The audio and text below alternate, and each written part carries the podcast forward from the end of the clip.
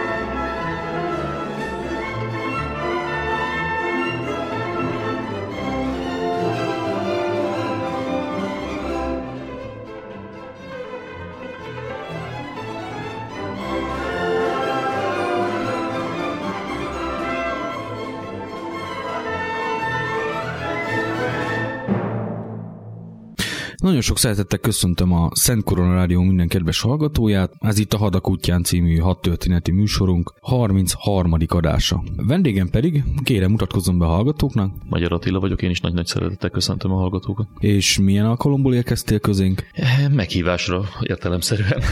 Eh, abból az alkalomból, hogy eh, a 10. századi, 11. századi magyarság hadi ügyeiről kísérleti régészeti szempontokból, vagy ilyen történelmi életmód rekonstrukciós szemmel vizsgálva a dolgokat. Szívesen beszélnék néhány szót. Hogyan kezdődött ez az egész dolog? Hogy kezdettem ezzel az egésszel foglalkozni, mint a 9. és 10. századi magyar néprajz és hadtörténet és egyebek? Egyrésztről Magyar Attila névvel nehéz mással foglalkozni, mint a, a magyarság ügyeivel, olyan témakörökkel, amik a, a magyarsághoz kapcsolódnak. Tehát gyerekkoromtól kezdve meghatározó az, hogy Magyar Attilának hívnak, és nyilván ezzel a névvel eleve adott az az út, hogy merre felé keresgél az ember. Nincs más választás az embernek. Így igaz. Szép, mm. Szépen magyarul man man. Tehát így kezdődik, és aztán egészen kis gyerekkoromtól kezdve érdekelt az íjászat, mint szerintem minden fiú gyereket. Nagyon sokat rajzoltam, kézműveskedtem, és ezeknek egy része is ebbe az irányba mutatott. Mm. Konkrétan akkor az első íjadat azt mikor szerez fejezted be? Nem emlékszem rá, ahhoz nagyon kicsi voltam. Szerintem körülbelül ugyan 35-36 évvel ezelőtt. Hát ezek még ilyen fából, hajlított fából faragott íjak voltak mm-hmm. nyilván értelemszerűen. Mm-hmm. Emlékszek rá is, csináltam kicsi koromban egy íjat, illetve egy szánszeríjat, egy darab deszkából, egy hajlított elektródából, illetve egy gatyagumiból. Ebből állt az első íjam. Szerintem minden normális fiúgyereknek kutya kötelessége, hogy íjat készítsen magának, kilövöldözze a szemközti bácsi ablakát, még ilyeneket. Értem. Akkor folytathatnánk ott, hogy hogy jött létre ez az egész hagyományőrző dolog. Maga az egyesület, amit alapítottatok, az mikortól kezdett működni? Meg hogy indult el ez az egész folyamat? Egyik oldalról volt az én keresgélésem, útkeresésem. Ez egy, részint kézműves, részint pedig egy ilyen hagyományőrző, hagyománykereső út volt. Másik részről pedig 1993-tól olyan muzeológusokkal, régészekkel, néprajzkutatókkal, pedagógusokkal, lovas emberekkel, stb. stb. Tehát olyan, olyan körrel jöttem össze, és, és alakítottunk egy társaságot, akik arra szövetkeztünk az őskultúra alapítványban, hogy az 1996-os honfoglalási emlékévre, vagy millicentenáriumi emlékévre igyekezünk mi magunk is felkészülni, és hát a közvéleményt, hogy mondjam, a, a, az érdeklődőket egy kicsit felkészíteni, hogy hát itt lesz egy, uh-huh. egy nagyon szép jubileumi év. Mennyire kutatható ez a téma? Mennyire állnak rendelkezésre írott és íratlan források ebben a témában? Én két évvel ezelőtt azzal szembesültem, hogy nagyon-nagyon-nagyon sokan foglalkoznak ezzel a témakörrel, és azzal is szembesültem, hogy ha segíteni szeretnénk ennek a nagyon sok embernek azzal, hogy milyen viseletet, milyen eszközöket, milyen fegyvert, milyen, tehát egyáltalán hogyan csinálja ezt a hagyomány őrző, hadi, hadtörténeti felelevenítő munkát, akkor ehhez a segédanyaghoz először is át kell tekinteni a forrásokat. Nagyon komoly forráskritikát, nagyon komoly gyűjtő munkát kell ahhoz elvégezni, hogy tényleg mik azok a hiteles adatok, amiből megeleveníthető, megformálható ez a 10. századi eh, időszak. Az írásos források is viszonylag bőségesek, tehát azt gondolom, hogy, hogy bizonyos szempontból aránylag sok írott forrás van, és a tárgyi világ is viszonylag bőséges bizonyos szempontból. És vannak dolgok, amiket nagyon szeretnénk, ha lenne róla bármiféle ábrázolás, korabeli leírás, korabeli lelet adott esetben, tehát egy, egy sírnak a mellékleteként mondjuk előkerülne egy, egy vértezet a honfoglaló magyarjainktól, nagyon örülnénk neki. Hát ilyen nincsen. Vagy előkerülne viseleti elemeknek mm-hmm. nagyobb hányada, ilyenek nincsenek. Tehát én azt hiszem, hogy ez egy, egy jól kutatható, de egyelőre még fehér foltokkal teli témakör.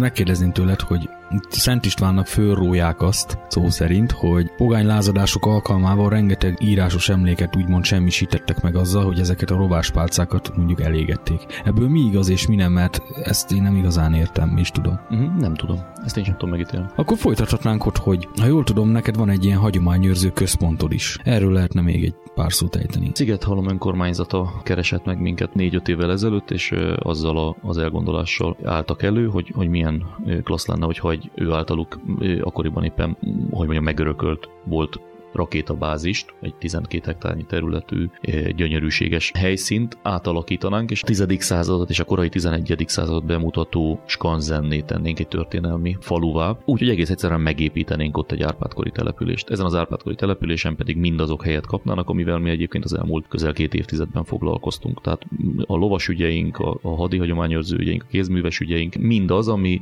nem tehát egy, egy komplet jurtafalunyi felszerelés, ami, ami összegyűlt az évek során. Uh-huh és így, így alakult Szigethalmon az Emese várispánság. Ez az év minden napján működik? Szóval mondjuk ha holnap gondolnék egyet, hogy elmegyek, akkor nagy, van nagy lenne ott valaki? Nagy-nagy szeretettel lennél fogadva azáltal a 15-20 őrült által, aki éppen építi a várispánságnak a Cölöp vár részét, most azt építjük. Hát konkrétan ott élünk. Tehát akkor ezt a... életvitelszerűen csináljátok. Abszolút. Az a, a dolognak a mondandója, hogy nagyon sok szép elképzelés van ebbe a témakörbe, de eh, ahhoz, hogy hitelesen tudjuk képviselni, ahhoz mi úgy döntöttünk, hogy konkrétan beköltözünk a jurtába, egészen pontosan mondjuk a, ott a helyszínen dolgozunk, így lehet valódi információkat átadni a korszakról. És a gyakorlatba kipróbálni. Így van.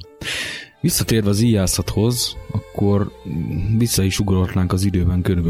1000-1100 évet, és beszélhetnénk a magyar íjászokról, meg úgy általában az íjászat magyar vonatkozásairól. Mennyire volt akkoriban szerepe a korabeli hadviselésben az íjászatnak? Hát. Mert egyébként majdnem minden hadseregben még a közép-amerikai maják és asztékok is ismerték az íjat, szóval ez, ez egy nagyon bugyuta kérdés volt így a részemről, azonban Hogy alakult ez a magyaroknál, illetve a Magyar Törzs Szövetségen belül? Ez például éppen egy olyan téma, ami elég bőséges anyaggal rendelkezik, mind a leírások, mind pedig a tárgyi leletek. Ezrei állnak rendelkezésre. Irdatlan mennyiségű nyílhegy lelet, irdatlan mennyiségű íjkarvég csontlelet, az, ami, ami igazolja, hogy még a, a halálba, még a túlvilági útra is magukkal vitték a uh-huh. vitézeink ezt az eszközt.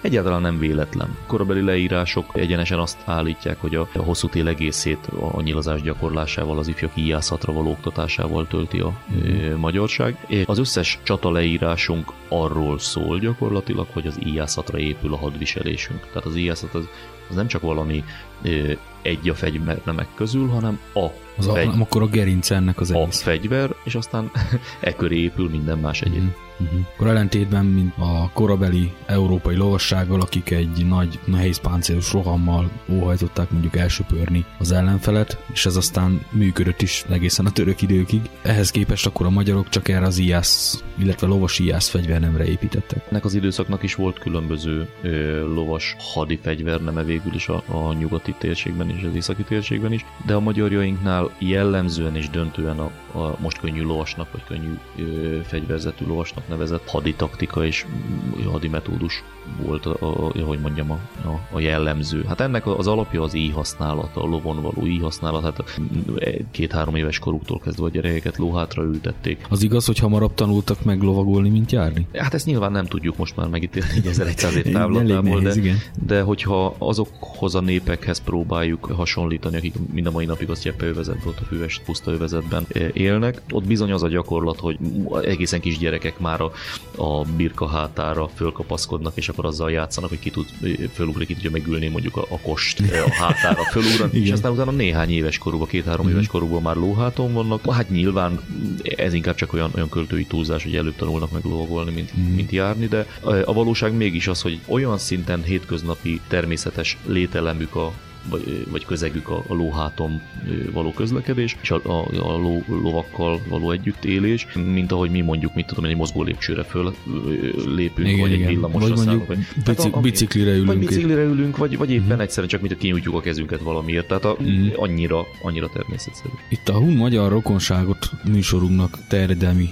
okok miatt nem célja igazából most részletezni, azonban mennyiben vonható mondjuk rokonsága genetikai leszármazáson túl mondjuk az IASZ terén a hun és a magyar úgymond hadviselés között? Van-e mondjuk különbség, vagy ha igen, akkor micsoda? Hát a legszembeszögőbb különbség az, ami, ami elsőre az ember eszébe jut. Túl azon, hogy hát, az, hogy Hungária, és az, hogy hogy a, a, a hunokhoz való hagyomány anyagunk, kapcsolódásunk, ez megkérdőjelezhetetlen. Az a, mégis az első különbség az az, hogy a magyarjainknál nem talál a, a tudomány például nehéz vértes vagy, vagy, vagy vértes anyagot míg a hun birodalomban, a hunoknál bizony vért beöltözött harcosok tömegét találjuk, tehát egyfajta birodalmi nehéz lovassággal bírnak. Ugyanúgy, mint ahogy az avar uh-huh. birodalom esetében.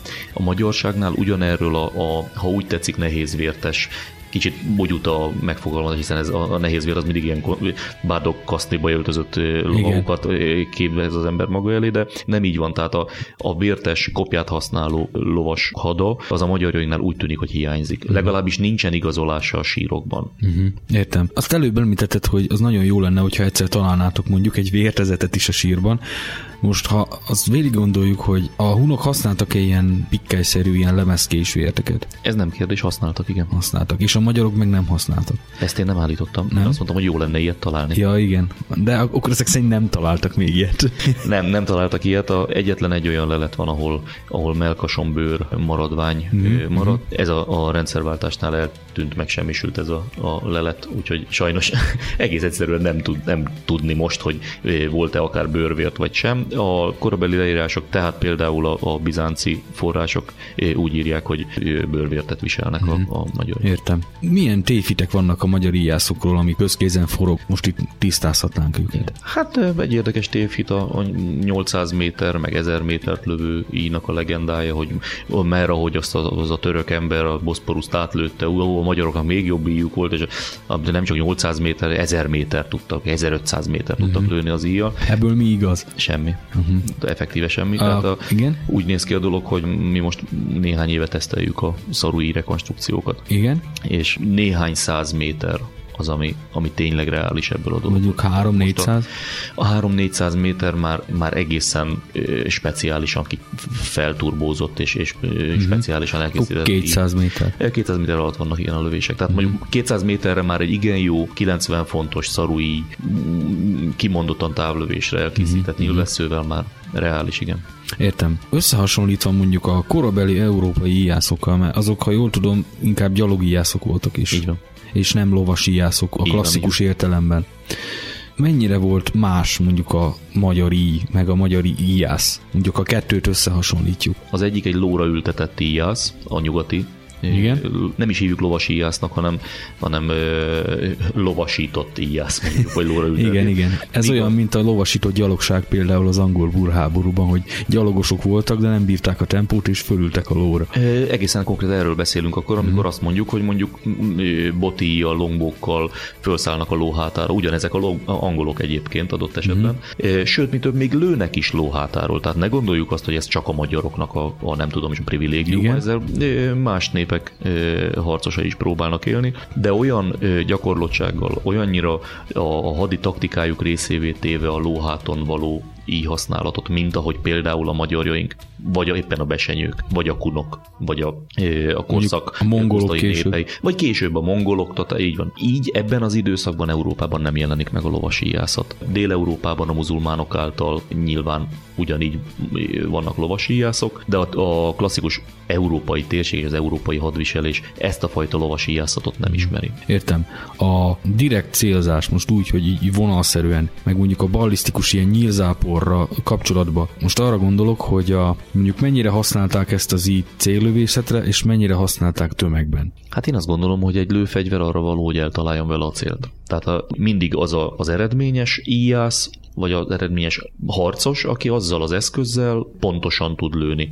Nyilvánvalóan az első pillanattól kezdve, ahogy az íjat elkezdik használni, ott cél és fontos az, hogy a, a kitűzött célt a lehető legpontosabban eltaláljuk. Uh-huh. Ez egy más kérdés, hogy akkor, amikor együtt vagyunk mondjuk három ezren, és nagy tömegből egy másik tömegbe be kell lőni. Uh-huh. Akkor ilyen területre. Akkor inkább területlefedő, uh-huh. pontosan így van. Uh-huh. Tehát az, az első sorok esetleg eleresztenek Direktben? direkt lövéseket, uh-huh. így igaz. A második sorból már egyébként sem lehet direkt belőni, hiszen az első sort lőném le. Igen. Tehát onnan már csak ívelt lövéseket lehet leadni, és ez egy borzasztó izgalmas kérdés, hiszen hiszen idén ötödik éve, vagy itt ötödik évben rendezzük meg a nyílzáport, ahol pontosan ezt gyakoroljuk.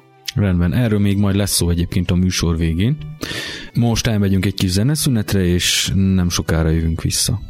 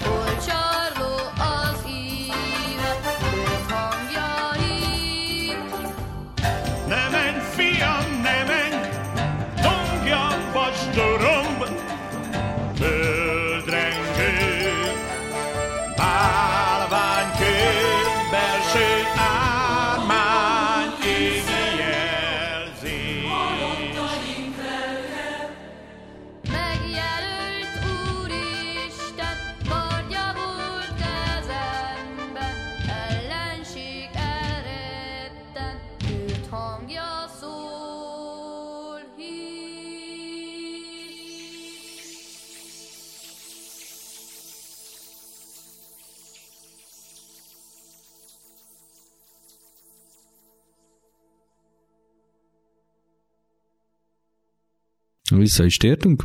Beszélhetnénk akkor a magyar íjászról, hogy hogy nézett ki akkoriban egy magyar íjász. Mondjuk volt-e magyar gyalogíjász? Használtak-e gyalogos íjászt a magyarok mondjuk? Vagy csak is lovas íjászba gondolkodtak? Hát én azt gondolom, hogy területvédelem esetén, hogy abban az esetben, hogyha egy, egy földvárat, egy település, Mm, akkor egy, ilyen bármi, stabil erődítményeket. nyilvánvalóan le kell szállni a lóról, és gyalogosan kell ö, küzdeni. Tehát ö, én azt gondolom, hogy a lovasi íjász ember az nem egy, egy hogy mondjam, fogyatékkal élő, aki ne tudna le- leszállni a lóról. Nyilvánvalóan a gyalogföldön járva két lábán is tud íjászni. Amitől több ő, az az a képessége, hogy viszonylag nagy távolságokat viszonylag gyorsan meg tud tenni. Ö, Valamint a csata során olyan taktikai ö, műveletekre képes, amire gyalogosan mondjuk nem lenne alkalmas. Akkor ha jól értettem, akkor mondjuk a lovasi íjász elsősorban támadó fegyver nem, a gyalogíjász meg inkább védekező, illetve védelemre elsősorban. Mm, Hát a, a lovasíjász elsősorban nagy távolságokat képes mm-hmm. megtenni, ez, a, ez az egyik legfontosabb funkció. Egyébként pedig abban a, a haditaktikában, amit hát unosuntalan ugye idézünk, hogy a nyeregben hátrafelé fordulva el, ezért maguk után csalogatják a mm, ellenséges hadat, és az ő elrejtőzött- 4-5 méterre bevárják, és beverik a lókoponyát, meg ilyenek. te és a hasonló népmesék. Tehát lényeg az, hogy nyilván ez a maga után csalogatás, nyilván az ellenséges sereg fellazítása, mint a, mint a darázsraja medvét, hogy folyamatosan megy, piszkálja, és csak amikor már feldühödött az a medve ebben a példában, vagy pedig amikor már az ellenséges sereg mozdulatba jön, mm. neki indul, esetleg űzni kezdi ezt Igen, a lovas íjászhadat, ők maguk után csalogatják egy egyébként eredetileg már elrejtőzött főseregükhöz. Na most ott Persze. már adott esetben lehet akár gyalogos íjász is. Adott esetben lehet akár közelharci helyzet is, Igen. amivel, hát szóval, hogy mondjam, ez- már nagyon messze vezet ez a uh-huh. kérdés. Értem. Maradjunk ma egyelőre az íjásznál. Hogy öltözött föl akkoriban egy íjász katona, aki mondjuk gyerekkora óta űzi ezt a mesterséget, és nem csak vadászatra, hanem mondjuk háborúban is? Én azt gondolom, hogy egész- kezdjük mondjuk a, a lábbelinél, valahogy. Én azt hiszem, hogy picit máshonnan közelítsük meg. Jó, rendben. Sávok, sávok vannak itt is. Tehát uh-huh. mondjuk egy egyszerű pásztor családnak a, a fia, aki éppen már elérte azt a 15-16 éves kort, hogy ilyen ifjú legényként elmegy az első hadjáratába, Igen? de hát nem egy gazdag család, egyszerű pásztor család. Uh-huh. Ők nyilvánvalóan ugyanazt a csizmát fogja hordani, mint bármikor máskor, nyilvánvalóan ugyanazt a nadrágot, uh-huh. adott esetben még egyet fölhúz rá, hogy mégse üssék annyira a láb, de nem is tud, uh-huh. lehet, hogy inkább rétegesen öltözik föl. A felső ruházata az valószínűleg ugyanaz a, az erős gyapjú köntös Igen. kaftán, kabát, kinek-kinek, ö, amelyik elnevezés uh-huh. tetszik, tehát egy ilyen hosszú ujjas, ami ebben az esetben mondjuk gyapjúval ki van tömve. A hadtörténet gambezonként ismeri ezt a kicsit a pufajkához hasonlító Igen, igen. felső ruházatot, hiszen ezt a legszegényebb ember is meg el tudja készítetni magának, uh-huh. meg tudja csinálni. Na most innentől fölfelé, aki már több hadjáratot megjárt, ugye adott esetben akár egy láncvértet, adott esetben akár egy komolyabb bőr vértezetet magára tud ölteni, vagy egy bőrsisakot, később esetleg egy fémsisakot, ha szüksége van rá. Itt most nagyon komoly viták vannak ez ügyben, hogy, hogy ténylegesen kell-e az, hogy bevassalják magukat tokától bokáig, vagy pedig ez valójában szükségtelen a számukra, hiszen a haditaktikájuk nem teszi azt annyira szükséges. Így ez, van. ez nagy kérdés most. Mhm. Gondolom a, mindig a körülményekhez igazol, igazították Ez ezt a taktikát is. Mhm. végtelenül praktikus. Mm-hmm. Tehát a, a cél az, hogy úgy nyerjük meg a háborút, hogy nem megyünk hadjáratba. Uh-huh.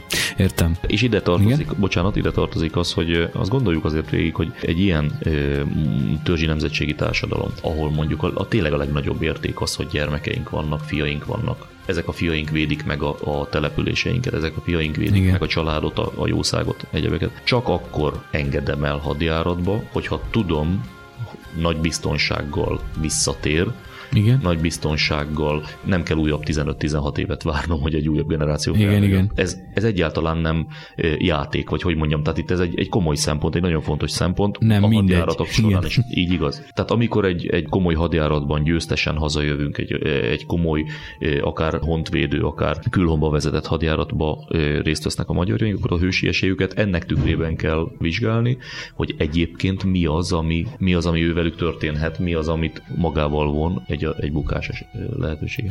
Most már nagyon messzire elkalandoztunk így Igen. magától az íjászattól, de hát ezt gondolom, ez is érdekes része. A páncélzatot érintőlegesen említettük. Meg arról is beszéltünk, hogy nem egyértelmű ez sem, hogy most hordtak, nem hordtak, mikor hordtak, vagy épp mikor nem. A korabeli nemzetekkel, akikkel mondjuk kapcsolatba került a, a magyarság összehasonlítva, mennyiben voltak hasonlóságok és különbségek, mert gondolom más ázsiai népeknek is voltak lovasi jászai, araboknak is voltak lovasi jászai, sőt az előbb azt beszéltük még a nyugat-európai hadseregeknek is. Az egykorú leírások szerint szinte pontosan ugyanolyan a felszerelésünk, mint a bolgároknak, pontosan ugyanolyan a felszerelésünk, mint a mondjuk a türkfajú népek uh-huh. családjának. Tehát ez a korabeli leírásoknak a, a uh-huh. tükrében van így. A sajnos a, a tárgyi leletek ezt nem igyekeznek alátámasztani választani, mert még egyszer mondom, nem talál. Tehát egyszerűen a nincsenek. nincsenek meg a nyomai. Na most ettől függetlenül bátran feltételezhetjük azt, hogy, hogy lamellás vérteket bőrből vagy fémből, pikkelyvérteket bőrből, fémből, uh-huh. láncvérteket, adott esetben akár a, a felső ruházat alá fölvett vértezetet ők viselnek. Életszerűtlen azt gondolni, hogy egy, egy évszázadon keresztül uh-huh. gyakorlatilag az egész európai térségben vezető katonai hatalom hadsereg hadserege bármilyen szempontból is alul felszereltebb lenne, mint a mm, környezete. Értem. Rendben. Arról beszéltünk már, hogy hogy ment akkoriban a kiképzés. Ezt említette, hogy gyerekkorútól fogva foglalkoztak ezzel, de mondjuk az első ilyen vadászat, mikor engedték mondjuk el, mi, milyen tapasztalat, vagy milyen jártasság kellett ahhoz ennek a használatában, hogy mondjuk egy éles hadjáratra el, elmehessen valaki?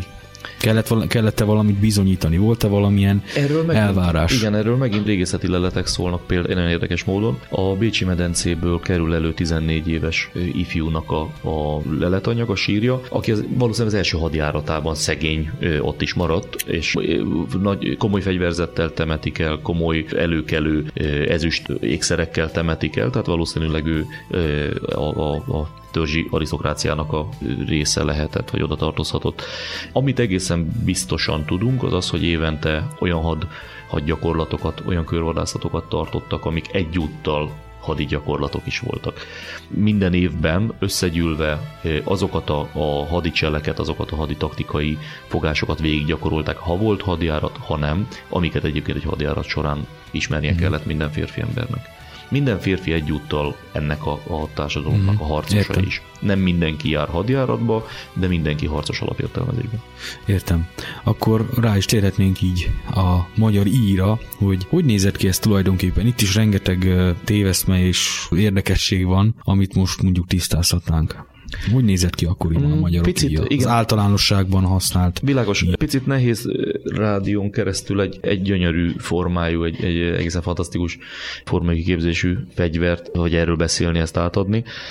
Minden esetre, ami biztos, a leletek egy, egy összetett íról tanúskodnak, amelyben csontalkatrészek, falkatrészek, valószínűleg szarú és inrost kötegek azok, amik, amik az egész fegyver konstrukciót alkotják középen egy fa mag, tehát egy hajlékony fa az alapja az így. Milyen fa, azt tudjuk? Ez valószínűleg juhar lehetett. Juhar vagy nyír, uh-huh. ezek lehettek a leginkább Igen? alkalmasak, vagy legalábbis az írekonstrukciók most erre felé mutatnak. Igen, erre felé mutatnak, tehát uh-huh. nagyon jól használható. Erre bőrenyvel, túróenyvel, hal, halenyvel ragasztják föl egyik oldalról, az íjász felőli oldalról. Igen. A szaru lapokat, tehát ökörszarvából kimetszett Igen. lemezeket. Ez egy tolóerőt fog innentől kezdve kifejteni. Tehát képzeljük el, hogy megfeszítjük magunk felé, Igen. húzzuk az íjat, összepréselődik ez a szaru. Ez szeretné kirúgni magát. Ez egy, Igen, ez egy ruganyos. Egy plusz dinamikát ad majd a nyílröptének. A másik oldalon, tehát a, nem az íjász felőli, hanem a túloldalán az ínak, ott pedig lábin rostkötegek, szarvaslábin rostkötegek vannak kiszárítva, fölbolyhozva, fölpréselve, fölragasztva, és az pedig inkább, a, ahogy megnyúlik az íj karja, ez egy ilyen visszahúzó, mint ahogy az izom dolgozik, uh-huh, tehát összerántja, összehúzza.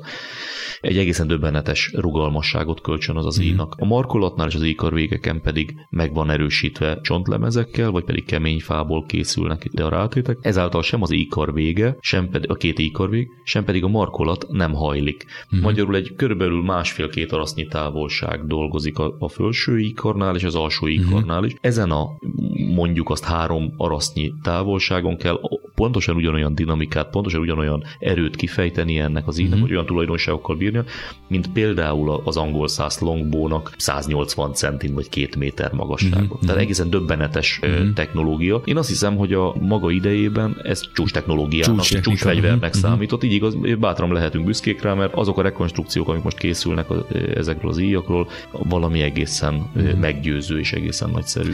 Értem. Az íjnak az idege az miből volt? Úgy tudjuk, hogy a részint a sejmet használták erre a célra, tehát sodortak sejemzsinort. Ez a kínaiak által Kínaiak, bizánciak által behozott, így igaz, tehát a távol-keleti sejem. És ezt ilyen nagyon összesodorták, vagy hogy lett ebből ideg? Hát egész hiszen konkrétan hogy sem zsinort vettek, mm-hmm. és akkor azt sodorták, vagy sem szálakat, tehát a, a mm-hmm. sem cérnát, vagy nem, mm-hmm. tehát egyszerűen sejmet sodortak össze, vagy pedig nyers bőrt, mert hogy van egy leírás, ami szerint a, a reggeli eső a magyaroknak az íjait elsilányítja, Igen. mert megnyúlik a, az idegük. Na most ez viszont a nyersbőrre utal, vagy valamiféle uh-huh. bélből sodort idegre utal. Uh-huh. Egyébként a, a gyeppén használják mind a mai napig mongoloknál jelesül Igen. a nyersbőrt ilyen idegnek. Rendben. Meddig tarthatott egy ilyen ilyen elkészítése a korabeli technológia szerint körülbelül? Pontosan tudjuk, ez nagyjából, eh, pontosan tudjuk nagyjából, igen, ez egy szép, szépen magyartalanul. Tehát eh, egészen pontosan tudjuk, hogy fél év az az időtartom, ami alatt az összes száradási, az összes mm. préselési időt betartva egy íjat el lehet készíteni. Mm. Egy íjkészítő család mondjuk, vagy egy íjkészítő közösség, mert ez is egy apáról fiúra származó mesterség, folyamatosan készíti, folyamatosan gyártja az íjakat, még akkor is, hogyha egyébként a, a, a drágább íjak azok azért a megrendelőnek készülnek, az ő méreteit, az ő erejét, mm. az ő igényeit veszik alapul. Most elmegyünk egy kis zeneszünetre, és nem sokára a nyilakkal fogjuk folytatni.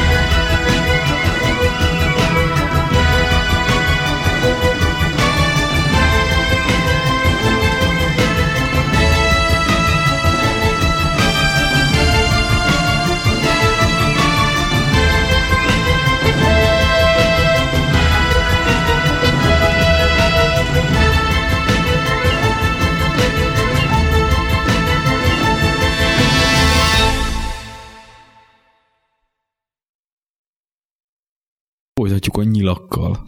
Hogy néztek akkoriban ki a magyarok nyilai?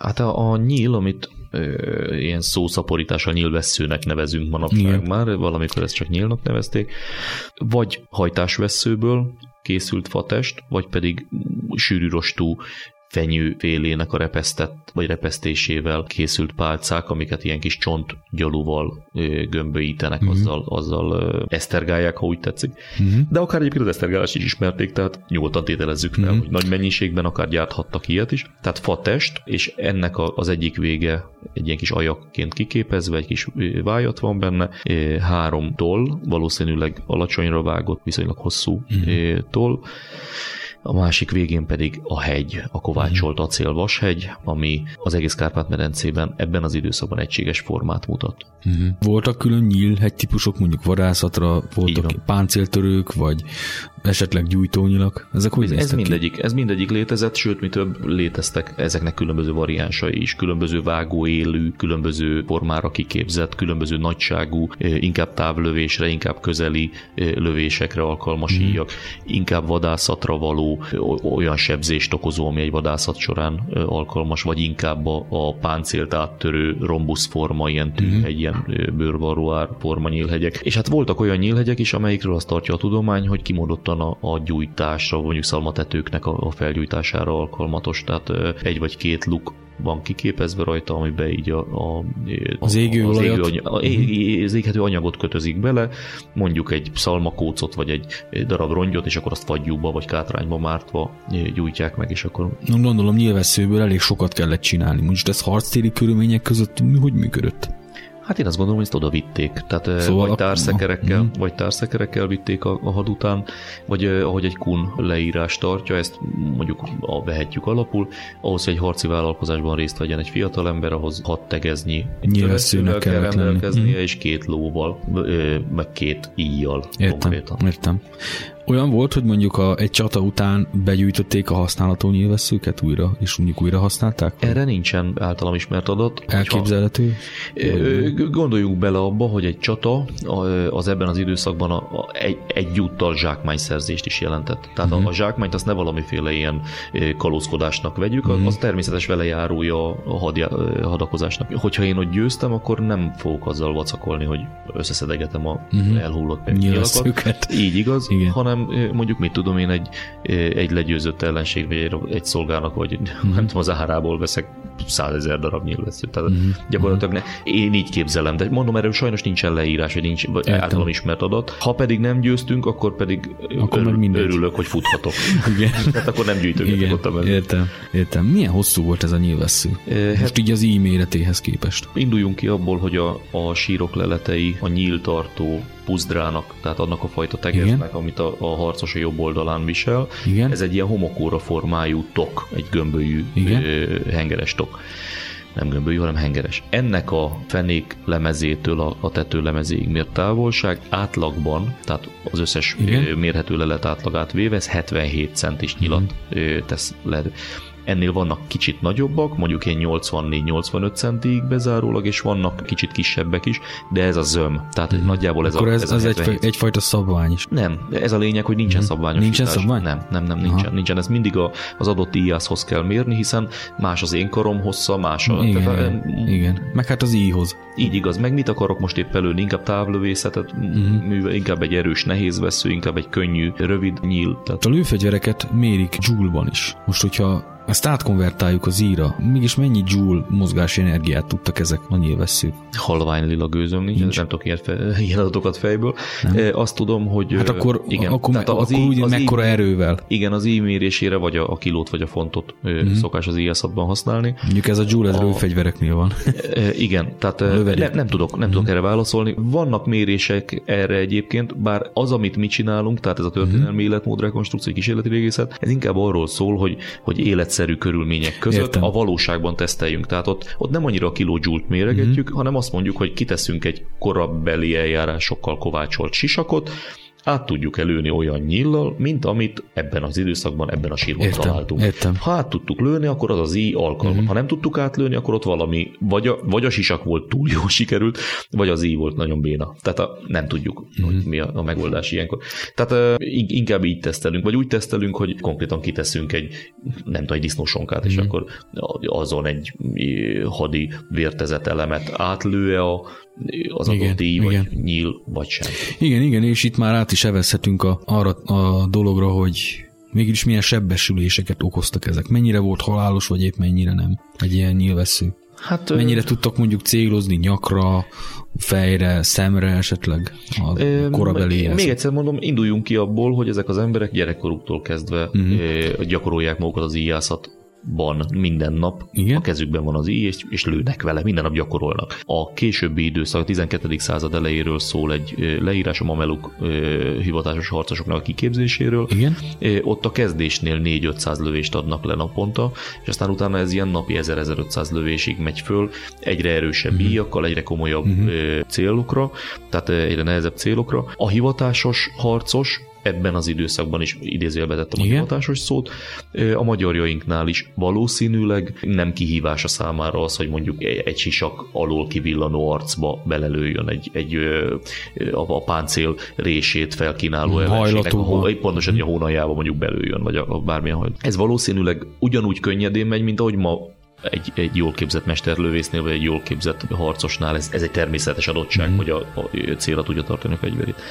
Tehát eh, nem ez a kérdés, az a kérdés inkább, hogy ezekkel az íjakkal mit lehetett okozni, ugye, tehát milyen sebesülést. Én azt gondolom, hogy azok a nyílhegyek, amik előkerülnek, körülbelül 8-10 centi hosszú a legnagyobbak, és körülbelül 2-3 centi széles Aha. pengékről beszélünk. Akkor ilyen Tehát- szív alakú penge lényegében. én azt mondanám inkább, hogy ilyen fűzfa levél. Vagy- aha, forma. fűzfa levél, aha. Így igaz. Na most ezek egész egyszerűen hát olyanok, mint egy késnek a pengéje, tehát ez Mhm. nem, nem játék egyáltalán, semmilyen szinten. Halálos, életveszélyes eszközök, döbbenetesen hatékony holmik, ami hogyha ennek az időszaknak mondjuk a higiéniáját, vagy ennek az időszaknak Igen, igen. a, a seb, El, sebesülés ellátását. igen, veszük alapul, akkor hát igen könnyen elfertőződik. Másnap Mhm. már nincs kedve harcolni annak, akit ezzel eltaláltak az előző nap. Mm. Akkor még egy kérdés, mondjuk mérgezték a nyílaikat? Nem tudunk erről. Nem.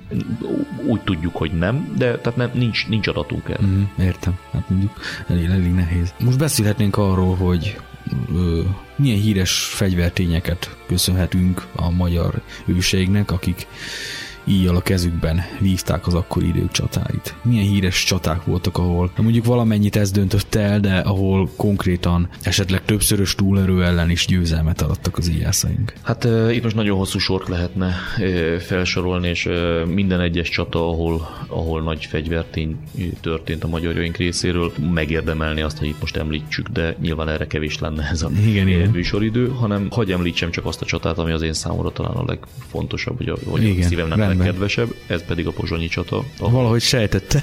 É, Tényleg, tehát itt ez nem valamiféle divat helyzet, vagy nem egy, nem egy divatos dolog, hogy hát igen, a pozsonyi csatát azt illik ismerni, hanem, hanem arról van szó, hogy ott valami olyan dolgot tettek a magyarok, a korabeli magyarjaink, ami hát mindmáig megalapozza azt, hogy egyáltalán a magyar állam létrejöhetett később, hogy mi itt most magyar, magyarul beszélgethetünk egymással. Igen. Tehát ott egy a korabeli írások szerint egy százezer fős nyugati had azzal a céllal érkezett a Kárpát-medencébe, hogy a magyarságot mindenestül írmagjától Kiírtsa. kiírtsa.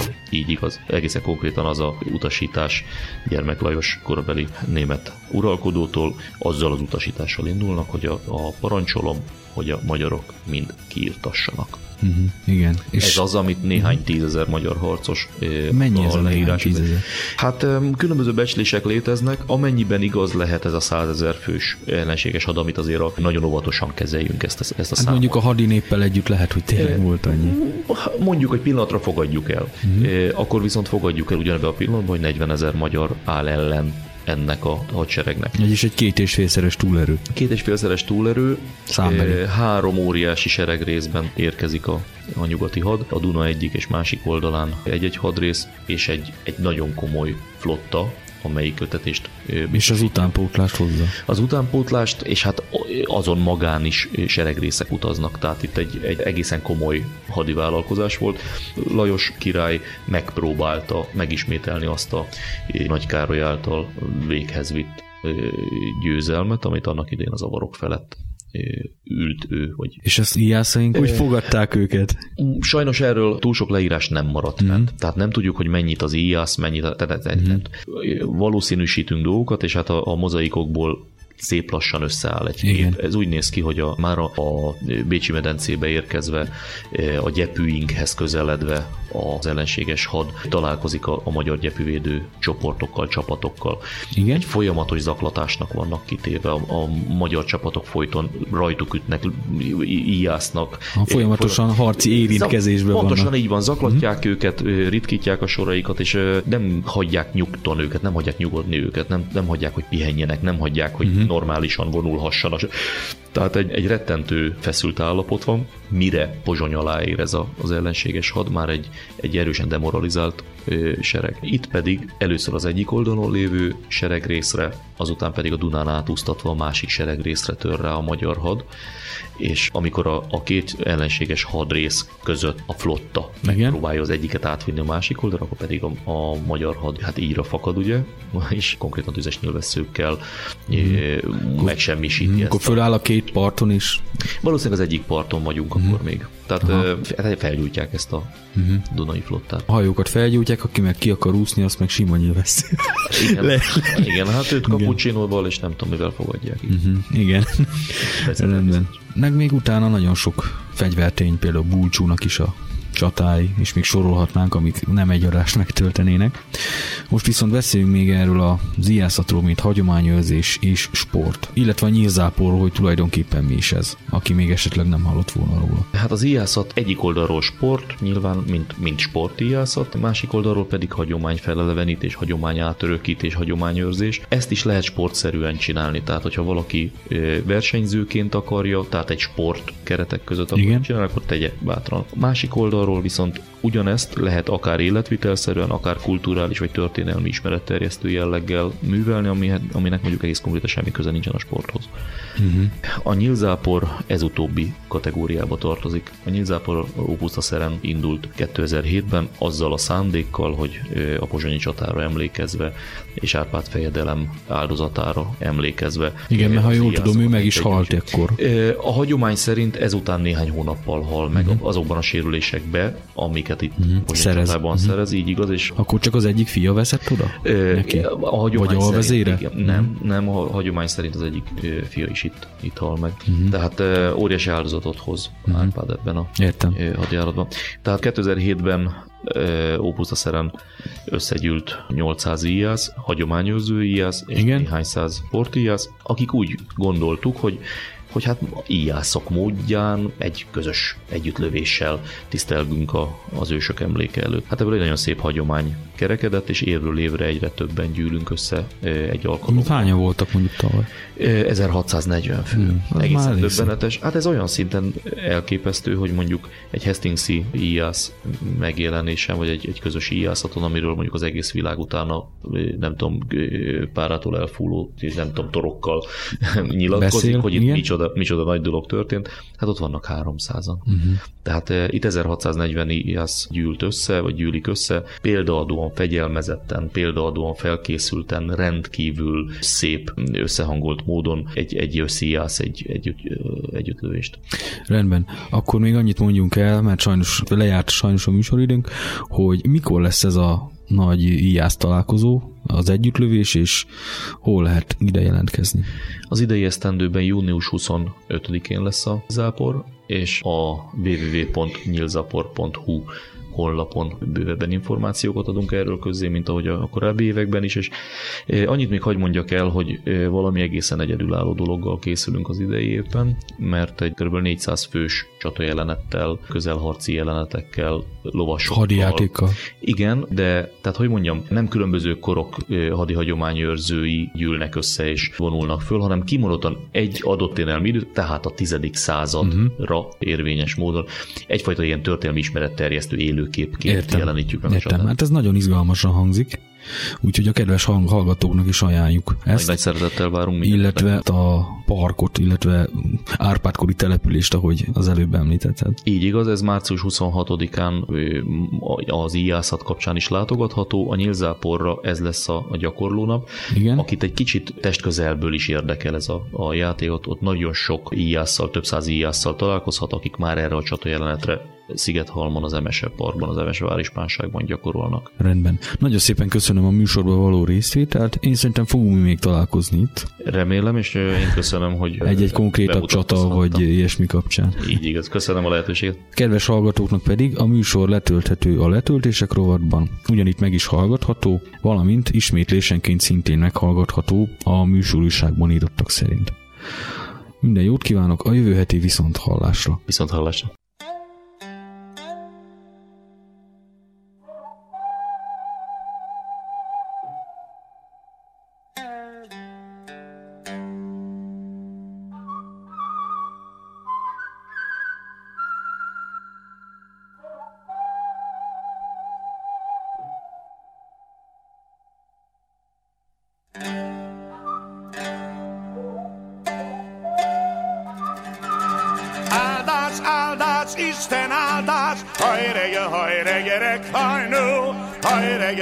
Regge hajnalló.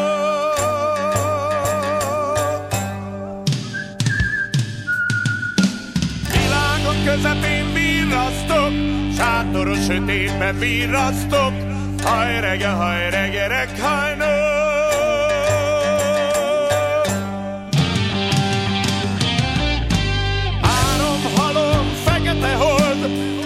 Pusztán, fekete folt, hajrege, hajrege, hajnalló.